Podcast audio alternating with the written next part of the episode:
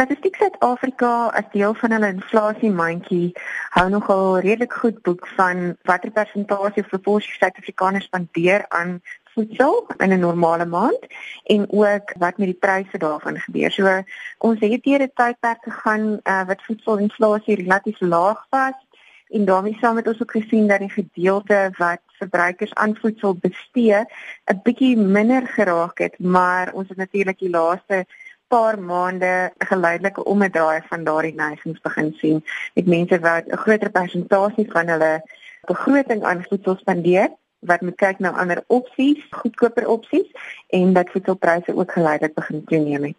Wat veroorsaak dat kos duurder word? In Suid-Afrika natuurlik een van die groot goed uh, wat op hierdie stadium vir ons swaar tref is die droogte. Ons sien dat heelwat boere nie kon plant nie en dit beteken dat mieliepryse alreeds die hoogte begin inskiet het wat beteken dat basiese stapelvoedselprodukte baie duurder geword het. Dan daarmee saam, die boere wat wel die vermoë het om hulle eie diere nog steeds te voer, want natuurlik net as daar nie mielies geplant kan word nie, sal dit nie noodwendig veiding beskikbaar nie. Betaal heelwat meer vir daardie voer wat natuurlik dan in die vleispryse gereflekteer word. Wat ons op hierdie stadium ook gesien het, is dat heelwat boere ongelukkig van hulle vee moes ontslaa raak. Dit natuurlik teen pryse wat baie laer is as wat markverwant was 'n paar maande gelede. Dit is nie noodwendig iets wat 'n mens op die winkelrakke sal sien nie, want daar is nog 'n klomp ander kostes wat bygevoeg moet word en gekombineer daarmee is die verwagting dat vleispryse sal styg. So baie keer het inflasie verwagtinge ook invloed op voedselpryse. En dan is daar nog natuurlik stygende insetkoste soos arbeidskoste.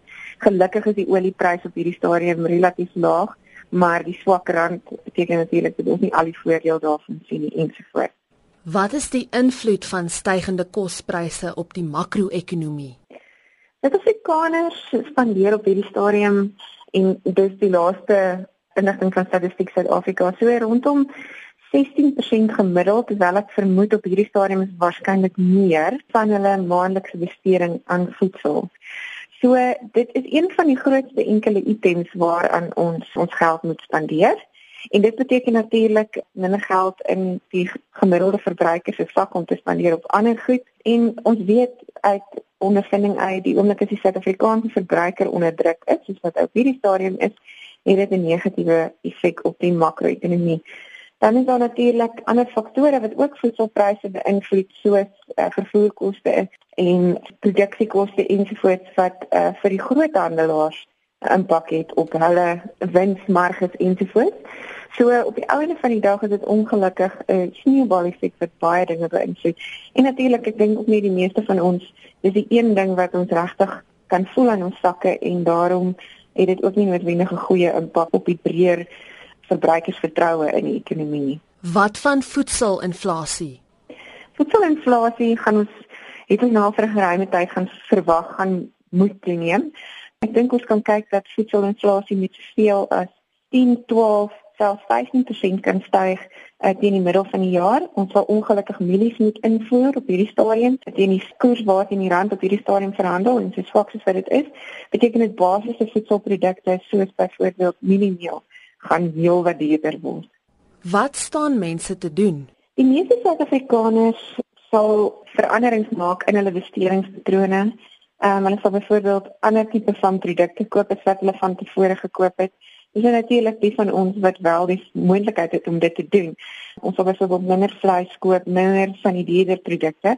Maar dan is daar ook 'n baie groot gedeelte van die bevolking wat nie regtig veel van die keuse het nie en wat alreeds soos ons nou in Afrikaans dan as verwys op die broodlyn leef. So dis regtig nie 'n maklike situasie vir Suid-Afrikaners nie. Baie van ons gaan ons bestedingspatrone verander, maar vir baie mense gaan dit nie moontlik wees om dit te doen nie.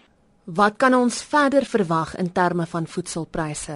Ons gaan ongelukkig waarskynlik sien dat voedselpryse vir die afsienbare toekoms uh, nog gaan styg. Hoopelik het ons 'n beter reënseisoen vroeg volgende jaar of teen die einde van hierdie jaar en hoopelik in die winterreënvalgebiede gaan dit beter. So dit is dan nog nie alles verlore nie. Ons hoop die koringboere het dalk 'n beter jaar as wat die mielieboere gehad het.